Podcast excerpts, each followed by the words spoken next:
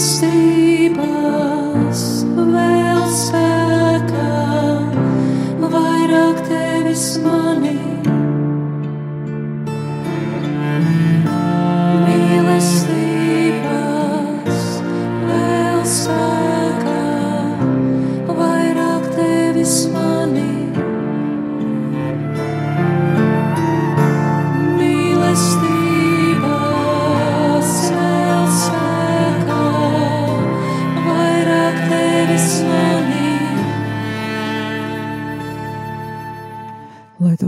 slavēts Jēzus Kristus, skan rādījuma arī Latvija, un ēterā raidījums vairāk tevis manī.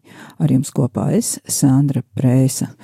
Šodien esam jau, eh, var teikt, gandrīz Ziemassvētku priekšvakarā, un eh, šīs dienas tēma tad arī būs eh, piesaistīta tiem svētkiem, kurus mēs gaidām.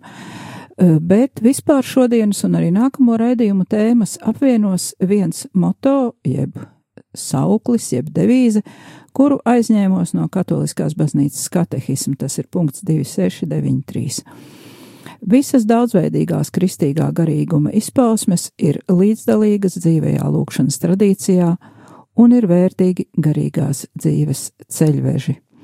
Tātad e, turpmākajos raidījumos konkrētāk pievērsīsimies kristīgā garīguma dažādajām izpausmēm Katoliskās baznīcas lūkšanas tradīcijā un mēģināsim atrast kaut ko noderīgu savai garīgajai dzīvei. Vai arī varbūt sapratīsim, ka ir kaut kādas garīgās dzīves formas, kuras pilnīgi nemaz nav piemērotas konkrēti man personīgi. Ja? Katrs sev mēs varēsim to pateikt. Mm, Katoliskā baznīca, kā to formulējas otrā Vatikāna koncils, otrais Vatikāna koncils, ir vienotība dažādībā. Un tāpēc arī baznīcā ir neiedomājami daudz dažādu kopienu, ordeņu un kongregāciju, un arī svēto misi drīkst svinēt 25 dažādos veidos. Mēs Latvijā izmantojam Romas misāli, Un bieži vien mums baznīcāniem liekas, ka tā ir vienīgā pareizā forma, kā ir jānotiek svētajai misē. Vecākā paudze varbūt vēl atceras arī Tridents koncila apstiprināto liturģiju, kur svinēja tikai latīņu valodā, bet tieši tikpat leģitīmas ir vēl 24 dažādas formas, un tas tikai liecina par to, ka nevajag pieķerties kaut kādām ārējām formām un iedomāties, ka tās ir iecirstas akmenī un nemainīgas uz visiem laikiem. Lai tad arī šī zināšana mums palīdz pieņemt to, ka liturģija nav nekas nemainīgs, forma var tikt mainīta atbilstoši laikmeta un kultūrvidas izmaiņām. Taču nemainīga liturģijā ir tās pārdabiskā nozīme, kuru garantē baznīcas noteikto vadlīniju ievērošana priesterības sakraments spēkā veiktā konsekrācija un ticīgās tautas paklausība katoliskās baznīcas koncila lēmumiem, jeb kā norāda koncils, piedalīties misē apzināti, aktīvi un atbildīgi. Tas attiecas uz visu ticīgo tautu. Un tagad maziņš e, testa jautājums katram sev pašam, vai es piedalos misē apzināti, aktīvi un atbildīgi. 3a. Apzināti, aktīvi, atbildīgi. Mums ir tā laime vairāk uzzināt par liturģiju, izlasot decembra mēneša katoļu baznīcas vēstnesi, kurā liturģija ir galvenā tēma. Bet mēs šovakar runāsim par kādu skaistu tautas tradīciju baznīcā, kura pati par sevi nav ne liturģiska, ne obligāta, bet var mums palīdzēt dziļāk piedzīvot Kristus atnākšanas mistēriju. Bet tagad lūksimies, un tad arī pie raidījuma tēmas Dieva tēva un dēla un svētā gara vārdā Āmen. Tēvs mūsu, kas esi debesīs, svētīts lai top tavs vārds, lai atnāk tava valstība, tavs prāts, lai notiek kā debesīs, tā arī virs zemes. Mūsu dienascho maizi dod mums šodien, un piedod mums mūsu parādus, kā arī mēs piedodam saviem parādniekiem, un neieved mūsu kārdināšanā, bet atpestī mūs no ļaunā āmen. Tās svētī mūs visus šovakar un svētī mūsu gaidītos svētkus dāvā svētību mūsu ģimenēm, dāvā svētību mūsu pašiem. Un tagad palūksimies līdzi dziedājumam, eh, kurš satur saucamās O antifonas, kas ir tieši adventa laika dziedājumi.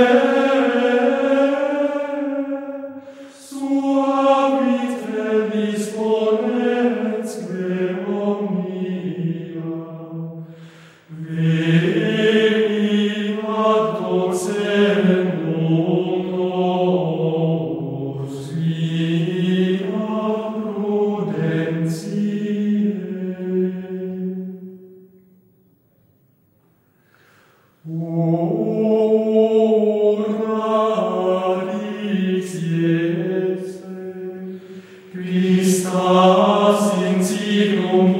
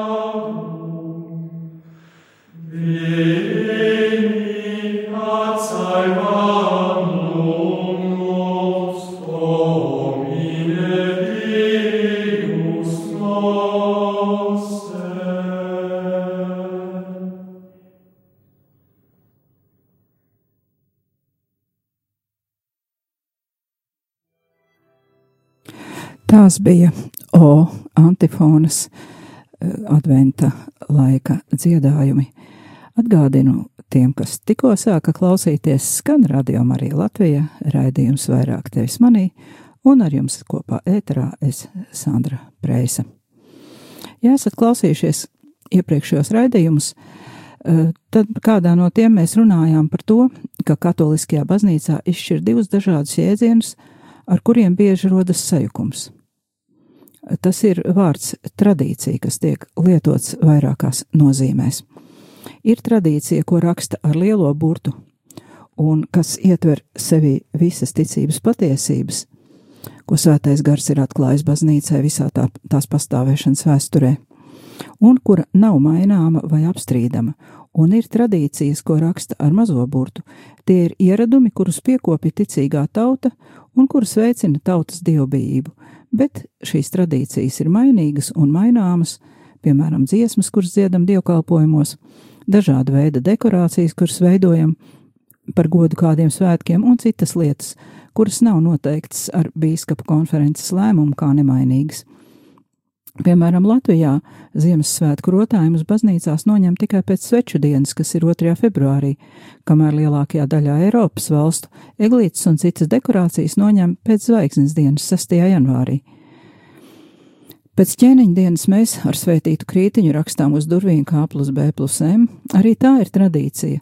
Savukārt austrumu katoļi, piemēram, sīrieši, nesaprot, kas tas mums tāds par jocīgu ieradumu. Un tāpēc eh, ir jāsaprot, ka šīs tradīcijas ir labas, bet tās noteikti nav obligātas un tās ir maināmas vai arī vienkārši eh, nemanāmi mainās ar katru paudzi. Un ir vēl viena tradīcija, kur ir saistīta tieši ar Kristus piedzimšanas svētkiem, un par šo tradīciju tad arī mēs runāsim nedaudz plašāk. Vēlreiz atkārtošu šā un turpmāko raidījumu moto, jeb vadlīniju, lai mēs nepazaudētu jēgu šim raidījumam un atcerētos, kāpēc vispār mēs par to runājam. Tātad Katoliskās baznīcas katehisms punkts 2693 saka tā. Visas daudzveidīgās kristīgā garīguma izpausmes ir līdzdalīgas dzīvajā lūkšanas tradīcijā un ir vērtīgi garīgās dzīves ceļveži.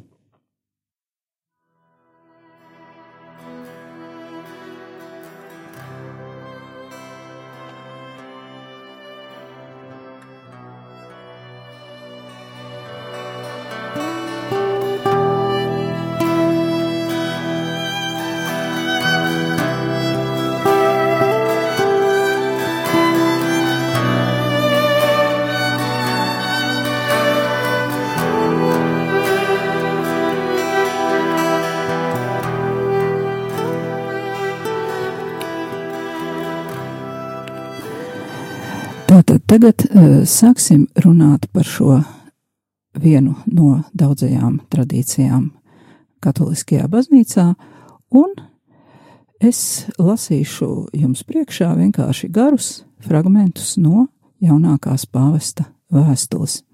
Vēstule ir uzrakstīta 1. decembrī, kad pāvests Francisks apmeklēja Grečio, vietu, kur pirmo reizi tika attēlota Kristus dzimšanas aina, jeb silīte, kā mēs mēdzam to saukt. Veidot šādu silīti bija svētā Franciska ideja un iniciatīva, kura pamazām izplatījās visā Itālijā un arī aiz tās robežām. Šī vēstule, kuru lasīšu, nav oficiāli tulkota latviešu valodā. Es to iztulkoju raidījumu vajadzībām, bet pieļauju, ka atsaucas uz šo vēstuli un dažas domas no tās jūs jau būsiet dzirdējuši savu prāvestu sprediķos, jo es jau kā minēju, vēstule ir uzrakstīta 1. decembrī, un tā tad tā bija jau lasāma un izmantojama visu adventa laiku. Tātad apustuliskā vēstule Admirabele Signum jeb brīnišķā zīme. Svētais tēvs Francisks par Kristus dzimšanas atveida nozīmi un svarīgumu. Pirmā sadaļa. Brīnišķīgais Kristus dzimšanas attēls Silīte, kura ir tik dārga kristīgajai tautai, nekad nebeidz radīt apbrīnu un prieku. Jēzus dzimšanas attēlojums ir vienkārša un priekpilna dieva dēla iemiesošanās pasludināšana. Piedzimšanas aina ir kā dzīves evaņģēlijs, kurš izaug no svēto rakstu lapusēm. Kad mēs kontemplējam Ziemassvētku stāstu, mēs tiekam aicināti piedalīties garīgā ceļojumā, kura sākumu iezīmē dieva pazemība, kurš kļuva par cilvēku, lai personīgi sastaptos ar katru cilvēku, ar katru vīrieti un sievieti. Mēs sākam saprast, cik liela ir šī dieva mīlestība uz mums, ka tā lika viņam kļūt par vienu no mums, lai mēs savukārt varētu kļūt pilnībā vienoti ar viņu. Ar šo vēstuli es vēlos iedrošināt jūs turpināt šo skaisto ģimenes tradīciju, atveidot dzimšanas ainu dažas dienas pirms svētkiem, kā arī ieradumu uzstādīt silīti darba vietās, skolās, slimnīcās, cietumos un publiskajos parkos un skvēros. Lūkojoties šajos mazajos mākslas šedeuros, acīm pavērs pārsteidzošs radošums un visplašākā iztēle gan pašā attēlošanas veidā, gan arī izvēlēto materiālu dažādībā.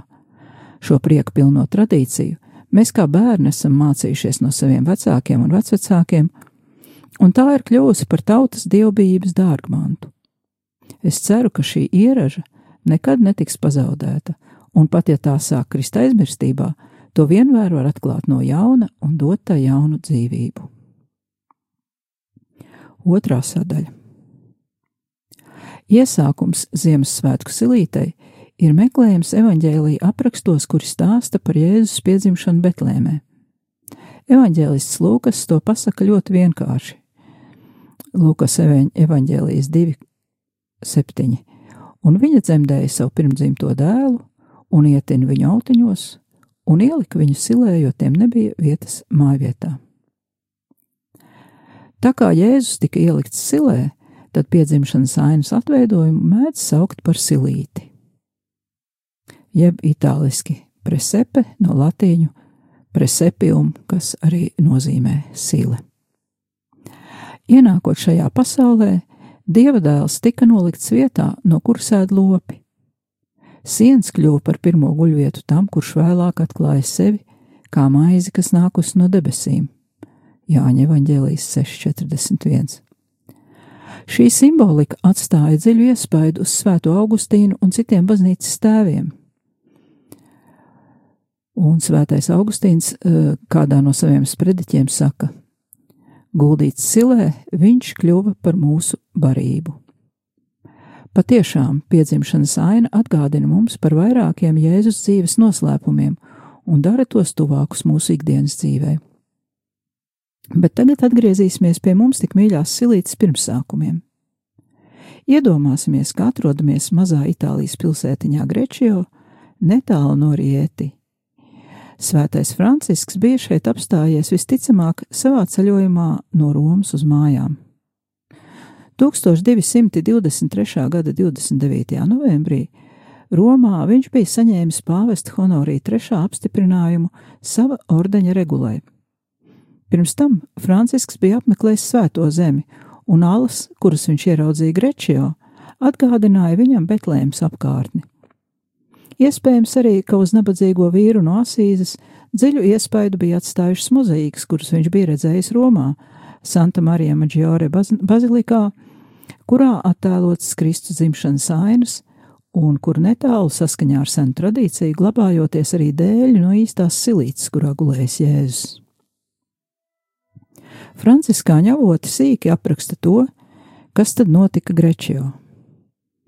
15 dienas pirms Ziemassvētkiem Francisks lūdz vietējam vīram vārdā Jānis, lai viņš palīdz Franciskam realizēt ieceri, piešķirt dzīvību atmiņām par to, kā Betlēmē piedzima bērns, lai ar savām miesas acīm tik īsti, cik vien ir iespējams, Francisks varētu ieraudzīt visu to nožēlojamo stāvokli, kuru piedzīvoja bērns, jeb kādu maza bērna vajadzībām atbilstošu lietu trūkumu, un to, kā vērsis un ēzelis stāv pie šīs silas, kurā uz siena ir guldīts bērns. Ticīgais vīrs bez ierunām un ātri ķērās pie darba, un sagatavoja visu, ko svētais Francisks lūdza. 25. decembrī brāļi kopā ar zemniekiem no dažādām vietām Itālijā devās uz Grečio satikties ar Francisku un svinēt svētkus, nesdami rokās ziedus un lāpas, lai apgaismotu svēto nakti. Kad ieradās Francisks, viņš atrada silu pilnu ar sienu un vērsi un ēzeli Visi klātesošie piedzīvoja jaunu un neaprakstāmu prieku šīs piedzimšanas ainas klātbūtnē. Priesteris, kurš svinēja misi, veica konsekrāciju virs silītes, tiešā veidā atklājot saikni starp dieva, dieva dēla iemiesošanos un evaharistiju. Grečio silītē nebija statuju, to inscenēja un iedzīvināja visi klātesošie, kuri piedalījās dievkalpojumā. Tas ir stāsts par to, kā šī tradīcija iesākās. Ar to, par to, ka ik viens, kurš atradās salā, tika prieka piepildīts un jutās tā, it kā būtu izzudusi laika robežas starp patieso notikumu un tiem, kuri svinēja šo noslēpumu. Tomas no Celāno, pirmais svētā Franciska biogrāfs, stāsta, ka šo vienkāršo un kustīgo ainu pavadīja iespaidīga vīzija. Kāds no klātesošiem esot redzējis pašu bērnu Jēzu guļam silē uz siena. No šā piedzimšanas ainas dievkalpojuma, kurš tika svinēts 1223. gadā, ik viens atgriezās mājās prieka piepildīts. Tā mēs varam lasīt franciskāņu avotos. Trešā sadaļa. Svētais Francisks ar šīs zīmes vienkāršību paveic iespaidīgu evanģelizācijas darbu. Viņa mācība dziļi aizskāra kristiešu sirdis un turpina to darīt arī šodien, un piedāvā ar vienkāršiem un autentiskiem līdzekļiem atklāt mūsu ticības skaistumu. Saprotams, ka vieta, kurā šī aina tika attēlota pirmo reizi, izraisa īpašas jūtas. Grečio ir kļuvusi par patvērumu dvēselē, par klusumā iegrimušu kalnu cietoksni. Kāpēc Ziemassvētku silīte tik dziļi aizkustina? Pirmkārt, tā atklāja dieva mīlestības maigumu. Visuma radītājs pazemina sevi, lai pieņemtu mūsu niecību. Dzīvības dāvana visā tās noslēpumainībā kļūst vēl pārsteidzošāka, kad mēs saprotam, ka Marijas dēls ir pats dzīvības avots un uzturētājs. Jēzu pats Tēvs mums ir devis brāli, kurš nāk mūs meklēt, lai kur mēs arī būtu apmaldījušies vai pazuduši, uzticamu draugu, kurš vienmēr nostāsies mūsu pusē. Viņš deva mums dēlu, kurš piedod un atbrīvo mūs no mūsu grēkiem. Ziemassvētku silītes uzstādīšana mūsu mājās palīdz mums no jauna ielūkoties Betlēmas notikumā. Protams, ka evaņģēlīja joprojām, joprojām paliek mūsu galvenais avots, lai mēs saprastu un pārdomātu šo noslēpumu. Tajā pašā laikā tā atveidojums silītas veidā palīdz mums vizuāli iztēloties šo ainu. Silītais skar mūsu sirdis un ieved mūsu pestīšanas vēsturē kā šā notikuma laika biedrs. Notikuma, kurš ir dzīvs un klātesošs plašākā vēsturiskajā un kultūras kontekstā. Tagad neliela muzikālā pauzīte. Paklausīsimies, kā slavenais dziedātājs Stings izpilda dziesmu, kura saucas Gabriela Vēsts.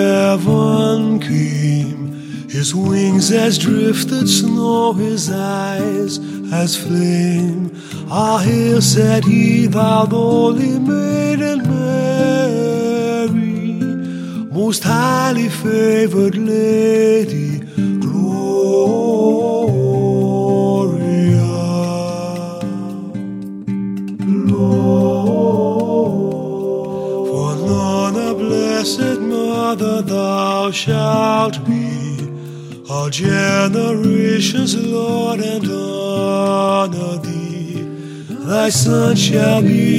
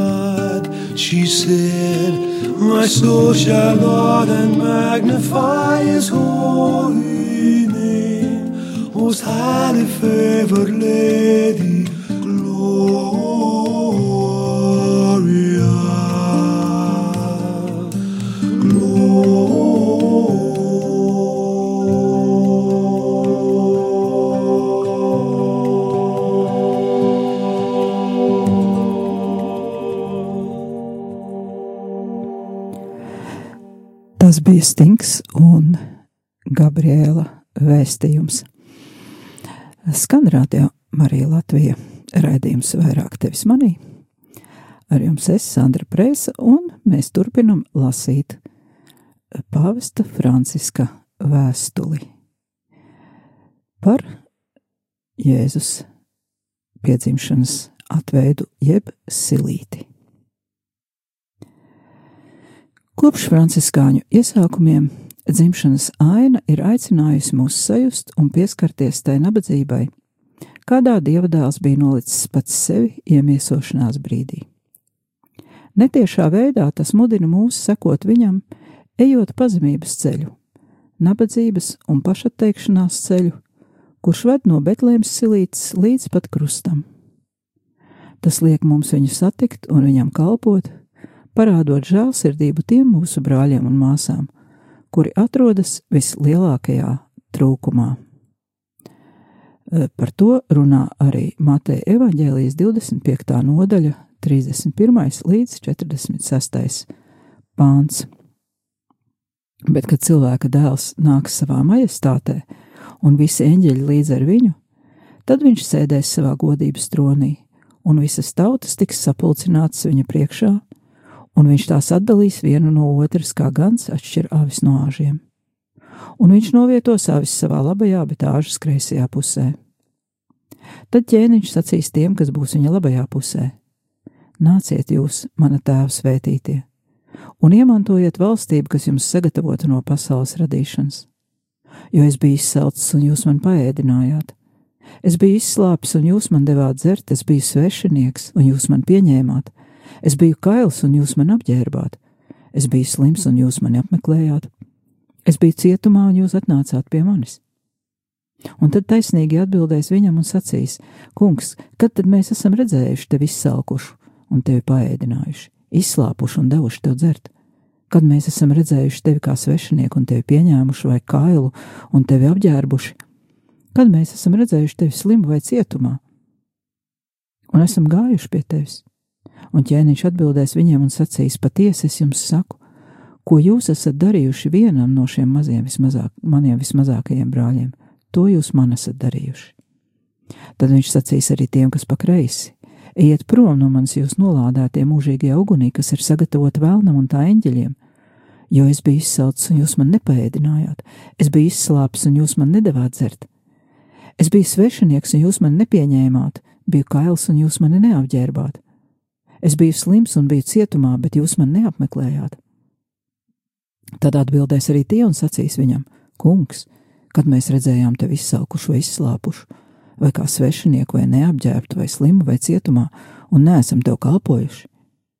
Un tad viņš atbildēs tiem un sacīs: Patiesi es jums saku, ko jūs neesat darījuši vienam no šiem vismazākajiem, to jūs arī man neesat darījuši.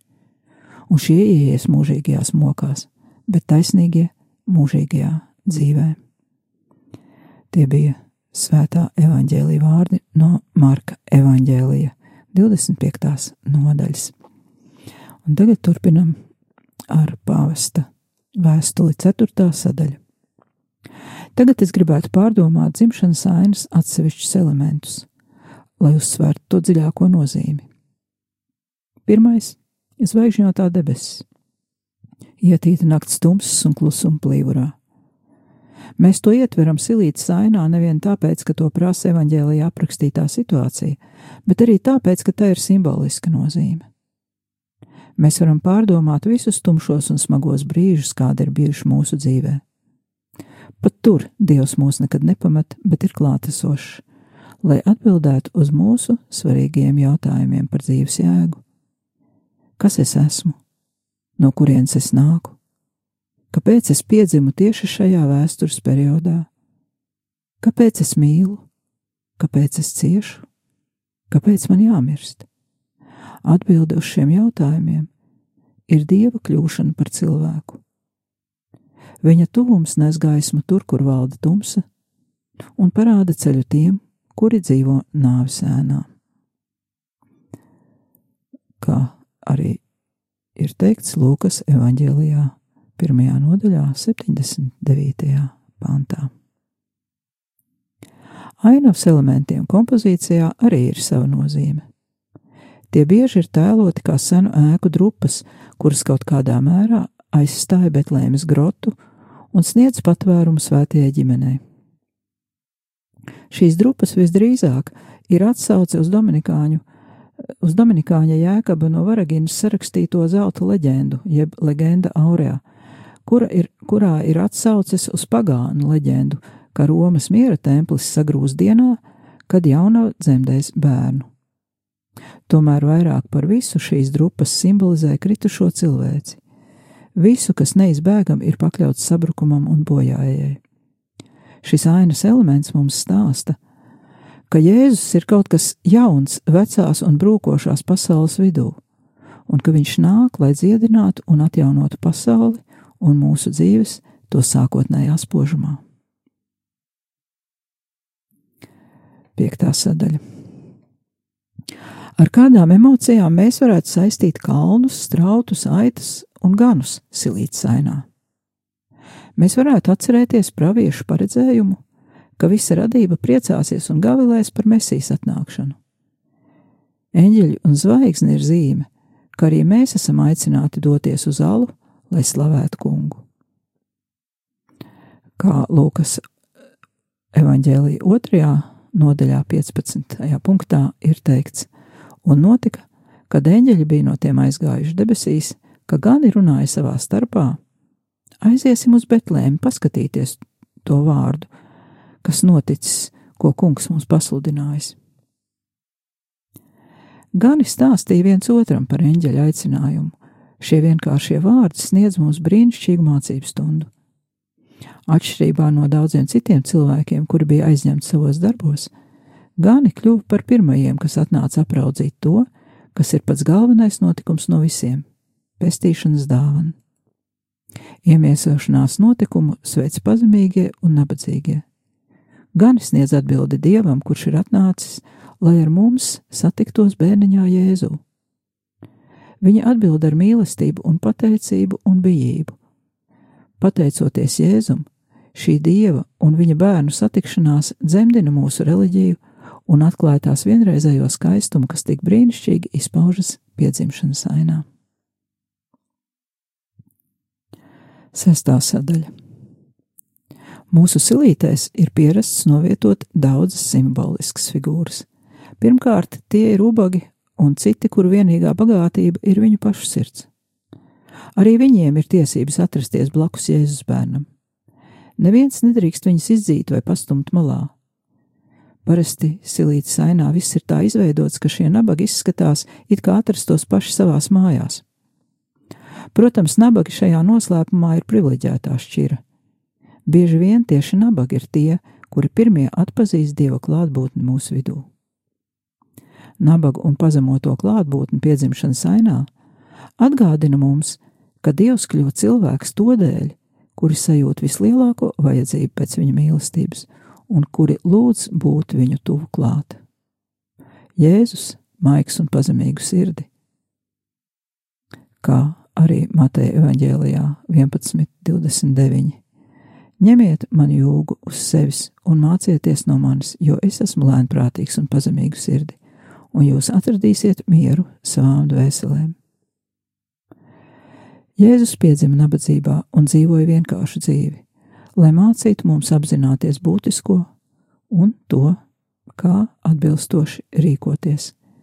Piedzimšanas aina mums tiešā veidā māca neapmuļķot pašiem sevi, meklējot bagātīgu, bagātību un īslaicīgas laimes apsolījumus. Fonā mēs redzam arī Heroda pili, kur ir slēgta un kurla, nespējot sadzirdēt priecīgo vēsti. Ar piedzimšanu silē Dievs pats uzņemas vadīt vienīgo patieso revolūciju, kura spēj dot cerību un cieņu nederīgajiem un atstumtajiem - mīlestības un maiguma revolūciju.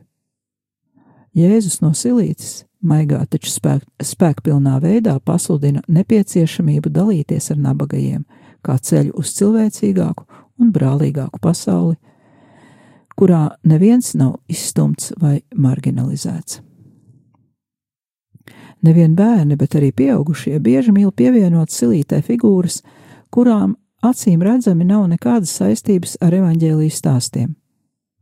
Tomēr savā veidā katra tāda figūra parāda to, ka Jēzus pasaulē ir vieta visam, kas ir cilvēcisks, un jebkurai dieva radībai. Sākot ar ganu un kalēju līdz maizniekam vai mūziķim, no sievietēm, kuras mazgā traukus, līdz bērniem, kuri rotaļājas, Tas viss stāsta par ikdienišķo svētumu, par prieku, kurš rodas, darot ikdienišķas lietas neikdienišķā veidā, par prieku, kurš dzimst tik reizi, kad Jēzus dalās ar mums savā dievišķajā dzīvē. Pamazām mēs nonākam dziļāk alā un redzam Marijas un Svētā Jāzepa figūras.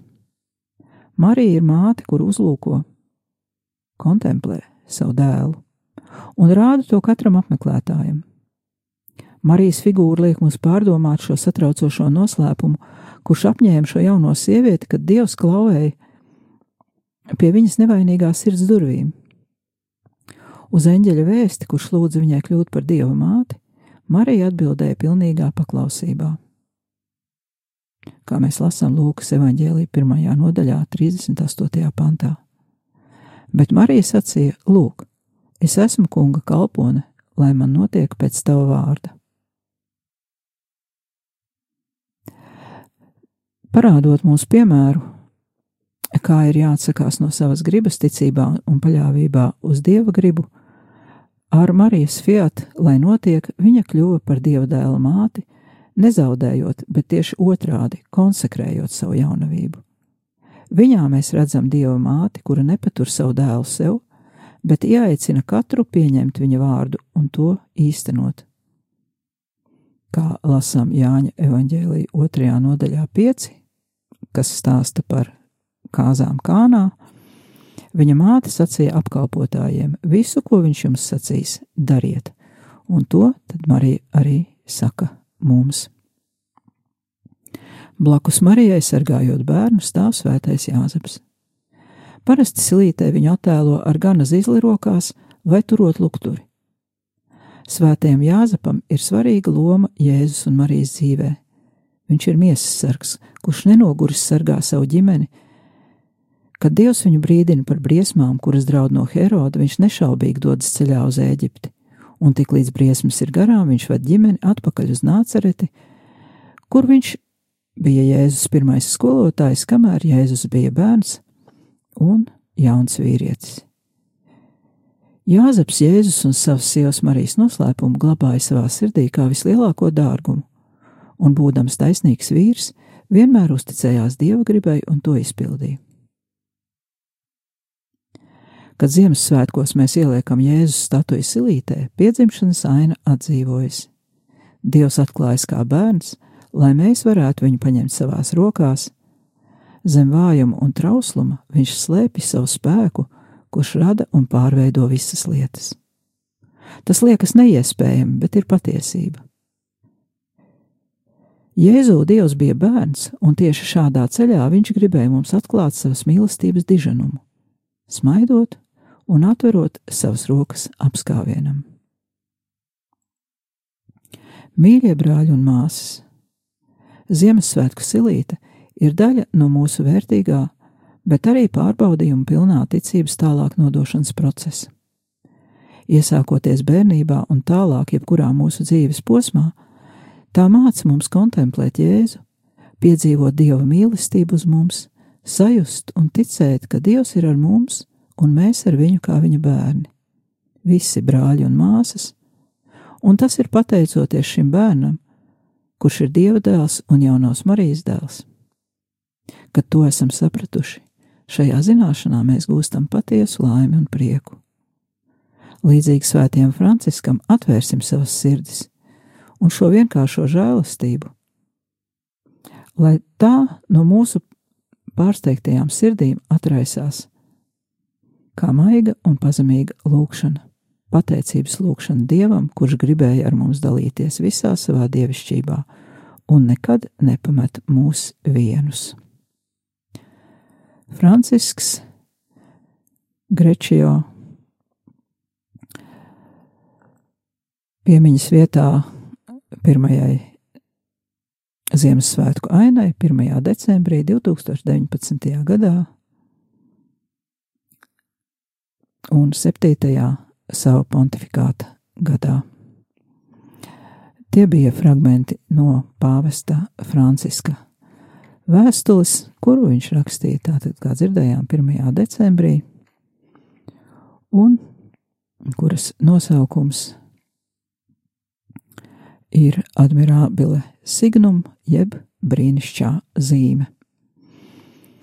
Ar to tad arī šovakar beigsim raidījumu. Ar jums kopā biju es, Sandra Prēsa, izskan raidījums vairāk tevis manī, un es novēlu jums visiem sagatavot silītes, ja tās vēl nav sagatavotas, un skaisti, klusi un priecīgi sagaidīt Ziemassvētku vakaru un arī Ziemassvētku austošo rītu 25. decembrī.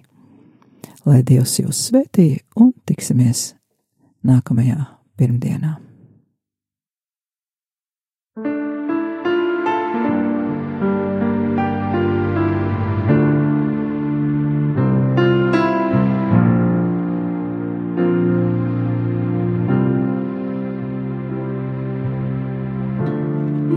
Unbestehbar, Welt sei.